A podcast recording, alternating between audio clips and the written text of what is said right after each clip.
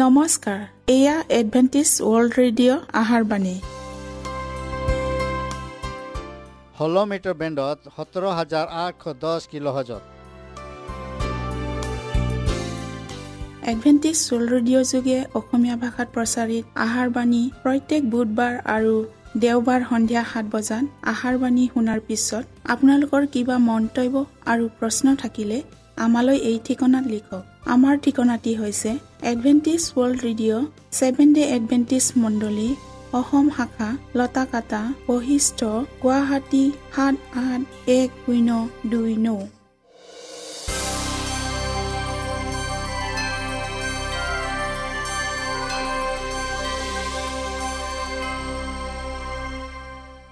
প্ৰিয় শ্ৰোতা বন্ধুসকল এতিয়া শুনো আহক এটি খ্ৰীষ্টীয় ধৰ্মীয় গীত।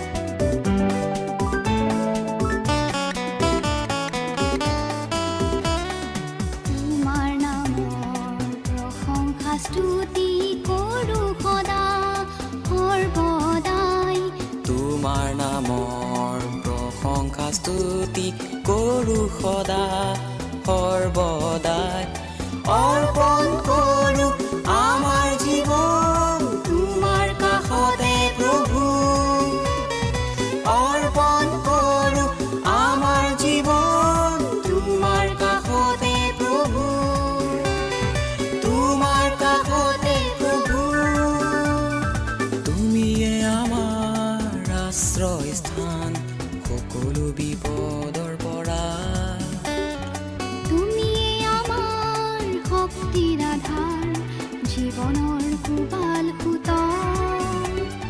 ৰক্ষা কৰোতা তুমিয়ে।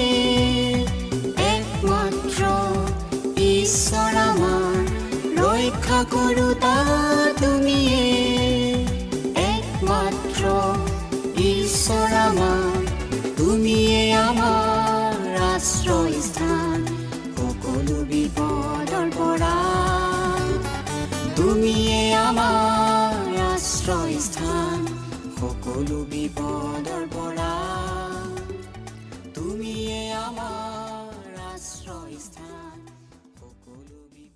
প্ৰিয় শ্ৰোতা বন্ধুসকল আহক আমি খন্তেক সময় বাইবেল অধ্যয়ন কৰোঁ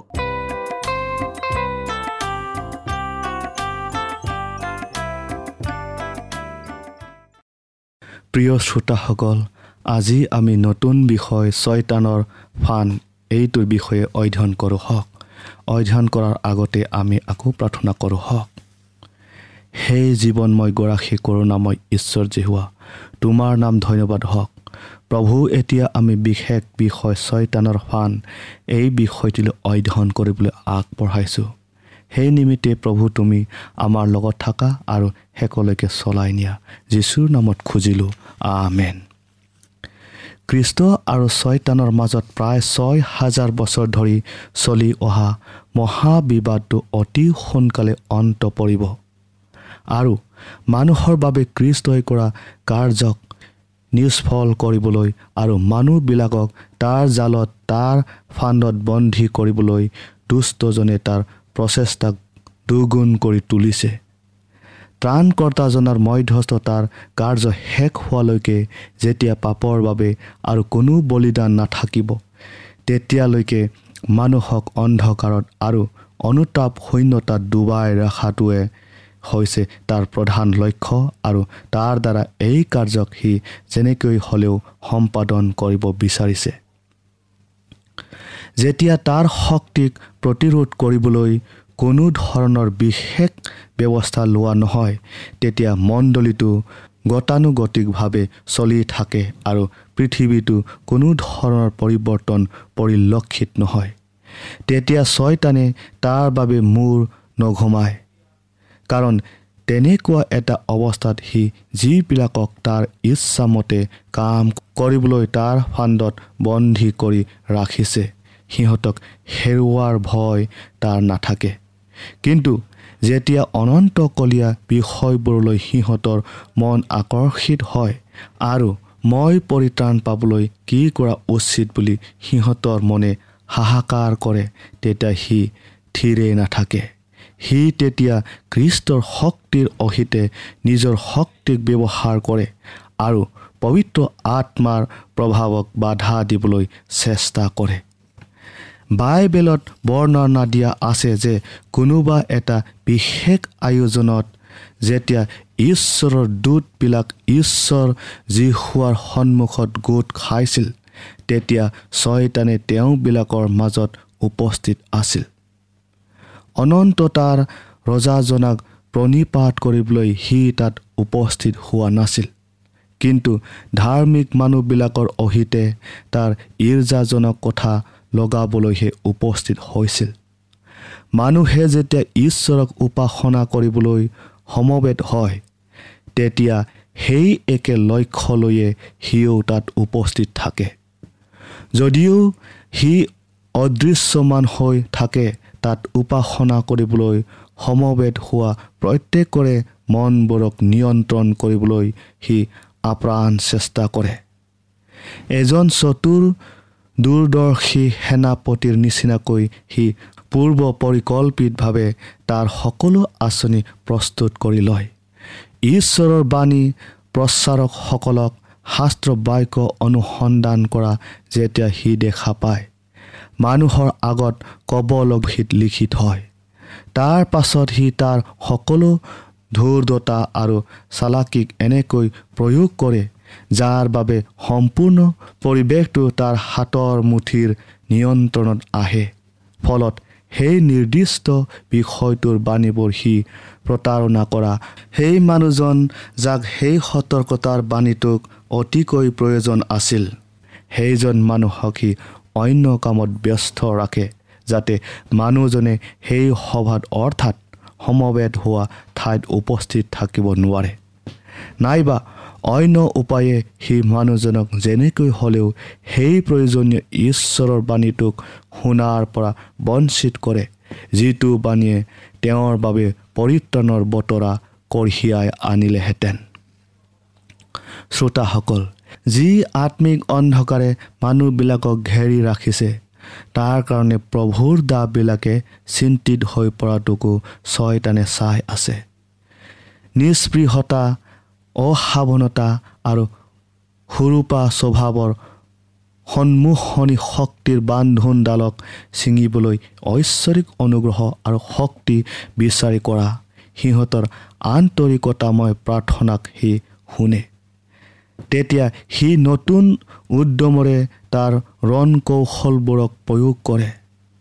জগতৰ মায়া মোহত আৰু নিজৰ অভিলাষত আবদ্ধ থাকিবলৈ নাইবা আত্মা তৃপ্তিৰ দৰে আন আন বিষয়ত মগ্ন থাকিবলৈ সি মানুহক প্ৰলোভন দেখুৱায় আৰু এইদৰে সি সিহঁতৰ সংবেদনশীলতাক নিষ্ক্ৰিয় কৰি পেলায় যাতে সিহঁতে সেই বিষয়টোক শিকাত ব্যৰ্থ হয়।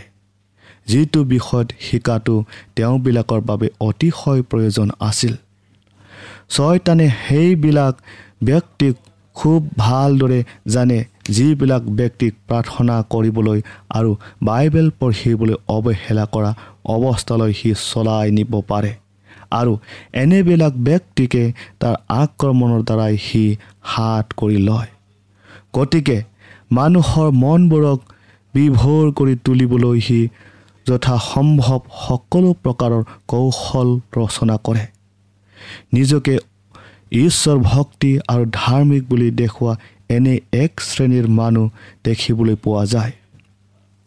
যিসকলে সত্যতা জানি তাক পালন কৰাৰ পৰিৱৰ্তে যিসকলৰ লগত তেওঁবিলাকৰ মনত অমিল সেইসকলৰ অপৰাধ আৰু ভুল ক্ৰুটি খুচৰি পোৰাটোকে ধৰ্ম কাৰ্য কৰা বুলি ভাবে। এনে শ্ৰেণীৰ মানুহ ছয়তানৰ সুহাতস্বৰূপ।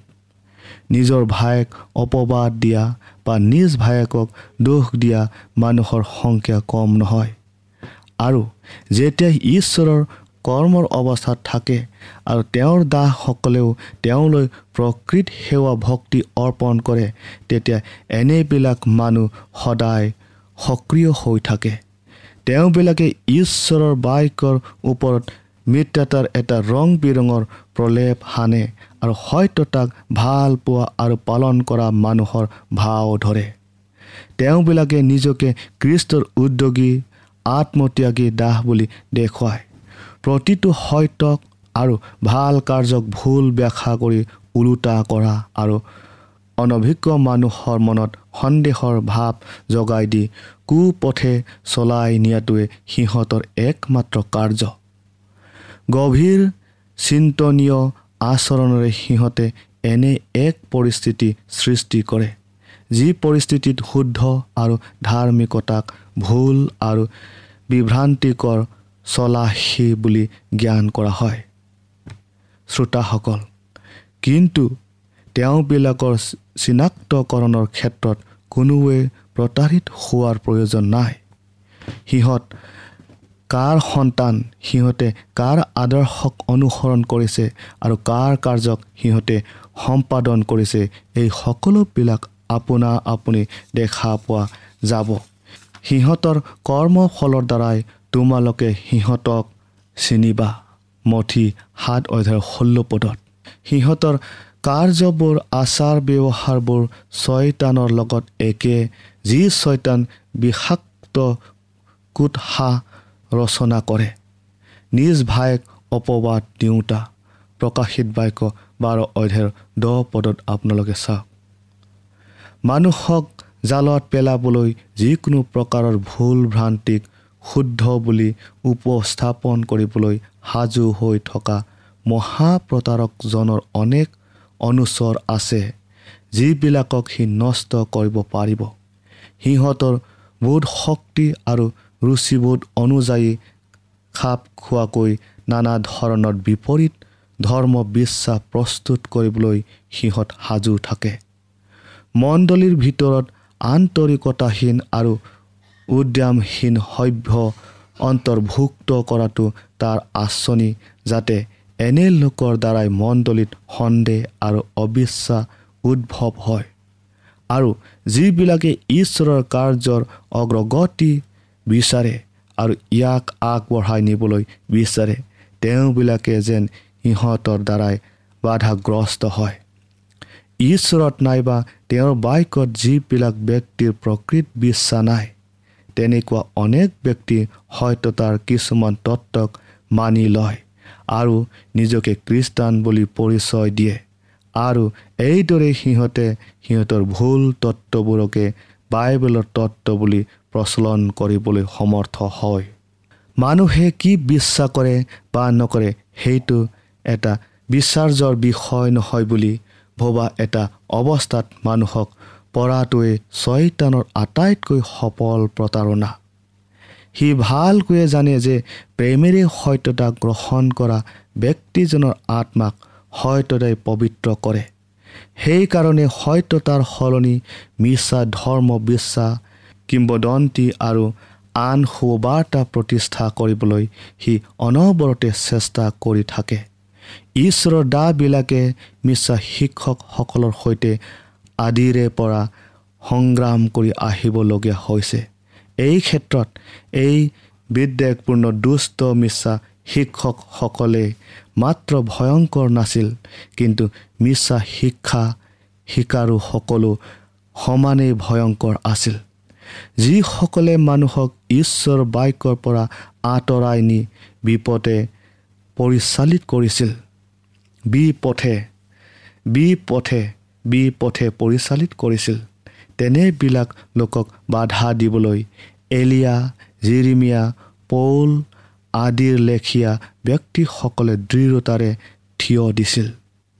সেই উদাৰতাটো যিটোৱে নেকি শুদ্ধ ধৰ্ম বিশ্বাসক অপ্ৰয়োজনীয় বুলি ভাবিলে সেই উদাৰতাটোৱে সত্যতাৰ ৰক্ষক এই পবিত্ৰ ব্যক্তিবিলাকৰ পৰা অনুমোদন পোৱা নাছিল। বাইবেল শাস্ত্ৰৰ বচনবোৰৰ ধুৱলি কুঁৱলীময় আৰু অদ্ভুত ব্যাখ্যাবোৰ আৰু ধৰ্মীয় বিশ্বাসৰ ক্ষেত্ৰত থকা অনেক বিতৰ্কময় তত্ত্ববোৰ যিবোৰক খ্ৰীষ্টান জগতত দেখা যায়।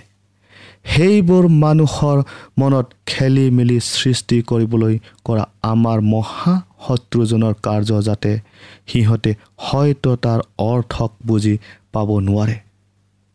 আৰু খ্ৰীষ্টান জগতৰ মণ্ডলীবিলাকৰ মাজত থকা মতানৈক্য আৰু বিভাজন এইবোৰ প্ৰচলিত পৰম্পৰা আৰু জনপ্ৰিয় ধৰ্ম তত্ত্বক বৰ্তাই ৰাখিবলৈ বলপূৰ্বকভাৱে বাইবেলৰ শাস্ত্ৰাংশবোৰক দুৰপ্ৰয়োগ কৰাৰ পৰিণাম।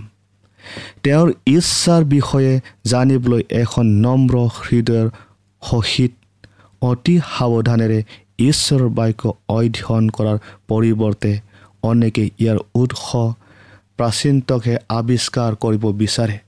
প্ৰিয় শ্ৰোতাসকল ভুল শ্ৰুতিৰে ভৰা ধৰ্মতত্ত্ববোৰক অথবা অপবিত্ৰ নীতি নিয়মবোৰক প্ৰৱৰ্তন কৰি ৰাখিবলৈ কিছুমানে বাইবেলৰ পৰা এটা বা দুটা পদ বাছি লৈ তাৰ পৰা উদ্ধৃত দিয়া দেখা যায় আৰু হয়তো নিজৰ মাতৰ সপক্ষে যুক্তি দৰ্শাবলৈ এটা বাইবেল পদৰ আধা অংশকহে উদ্ধৃত কৰা দেখা যায়।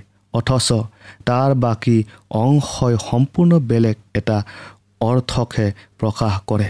এই সৰ্পৰ দৃঢ়তাৰ সহায়ত তেওঁবিলাকে বাইবেলৰ লগত সংগতি নথকা যিবোৰ অসংলগ্ন কথা কয় তাক তেওঁবিলাকে সকলোৰে দ্বাৰা গৃহীত বুলি ধৰি লৈ নিজৰ মানসিক অভিলাষ পূৰণ কৰাত খাপ খোৱাকৈ অৰ্থ কৰে। এইদৰে বহুতে ইচ্ছাকৃতভাৱে ঈশ্বৰৰ বাক্যৰ অন্য অৰ্থ কৰে। আনহাতে অন্য কিছুমানে যিবিলাকৰ কল্পনা শক্তি অতি প্ৰকৰ তেওঁবিলাকে বাইবেলৰ বাক্যৰ লগত কিছু সংগতি ৰাখি পবিত্ৰ লিখনিৰ প্ৰতীক আৰু চিনবোৰৰ বিষয়ে নিজে কল্পনা কৰা অনুযায়ী অৰ্থ কৰে আৰু তাৰ পাছত নিজৰ খেয়ালকে বাইবেলৰ উপদেশ বুলি আনক শিকায়। প্ৰিয় শ্ৰোতাসকল আজিলৈ ইমানে ইয়াৰ বাকী অংশ পৰৱৰ্তী অনুষ্ঠানত আপোনালোকে শুনিবলৈ পাব। আশা কৰোঁ আপোনালোকক পুনৰ লগ পাম বুলি। ঈশ্বৰে আপোনালোকক আশীৰ্বাদ কৰক।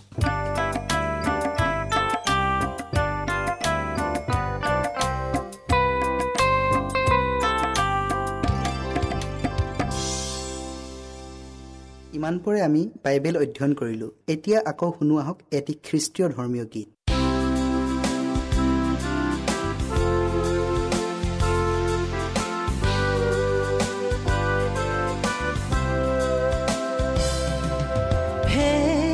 মানৱ তুমি প্ৰভু কিয় সন্দেহ কৰা?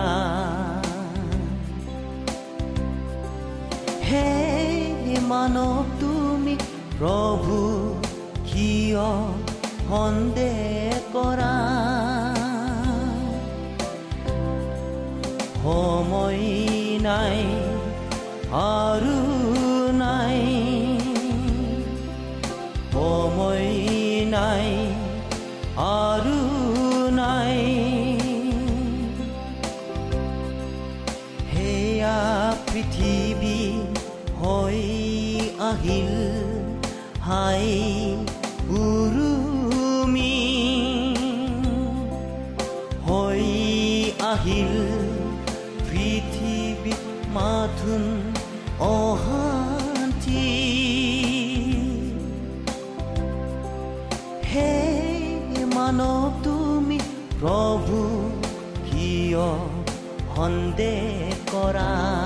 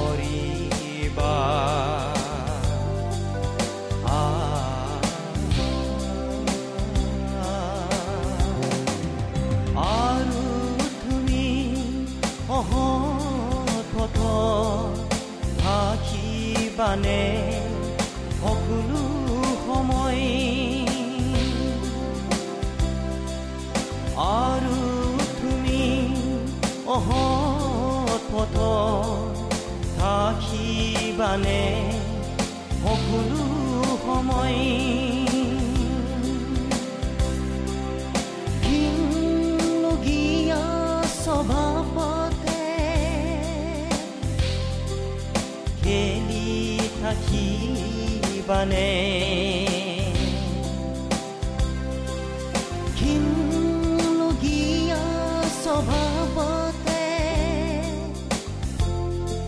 খেলি থাকিবানে হে মনক তুমি প্ৰভু কিয় সন্দেহ কৰা? হে মানৱ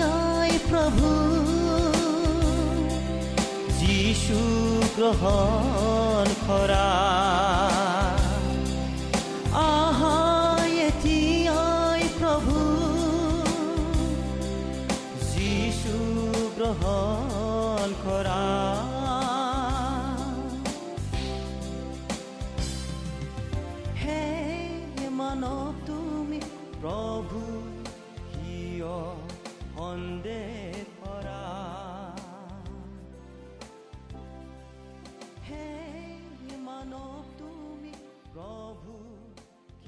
মনত ৰাখিব আমাৰ ঠিকনাটি পুনৰ কৈ দিছোঁ।